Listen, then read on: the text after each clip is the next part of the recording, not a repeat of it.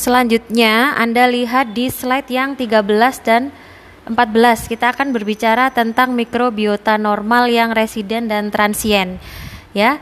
Jadi Anda lihat itu kan ada orang yang berjabatan tangan. Nah, artinya ada sesuatu yang berpindah kan? Anda lihat Anda de pernah dengar arus yang transien gitu kan, arus yang berpindah-pindah. Tapi apa yang disebut dengan residen? Kalau Anda ingat ada film yang berjudul Resident Evil gitu ya. Ya. Residen berarti kan orang sesuatu yang menetap. Kalau transien sesuatu yang berubah-ubah.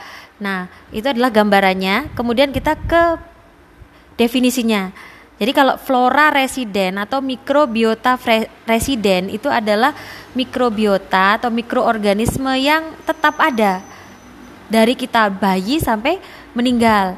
Bagaimana dengan transien? Transien itu mikroorganismenya seperti tukar-tukaran. Jadi e, misalkan Anda berjabat tangan dengan teman Anda, akhirnya ada transfer. Transfer apa? Bukan transfer uang ya, tapi ini transfer mikroorganisme atau transfer virus seperti corona ya kan? Akhirnya kita dilarang untuk bersalaman.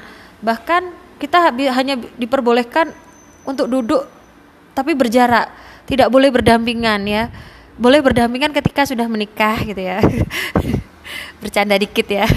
Jadi maksudnya adalah kalau residen itu menetap kapan diperolehnya ya sejak anda lahir hingga meninggal nah jadi memang mikroorganisme ini sudah diperoleh dari dulu dari dari bayi.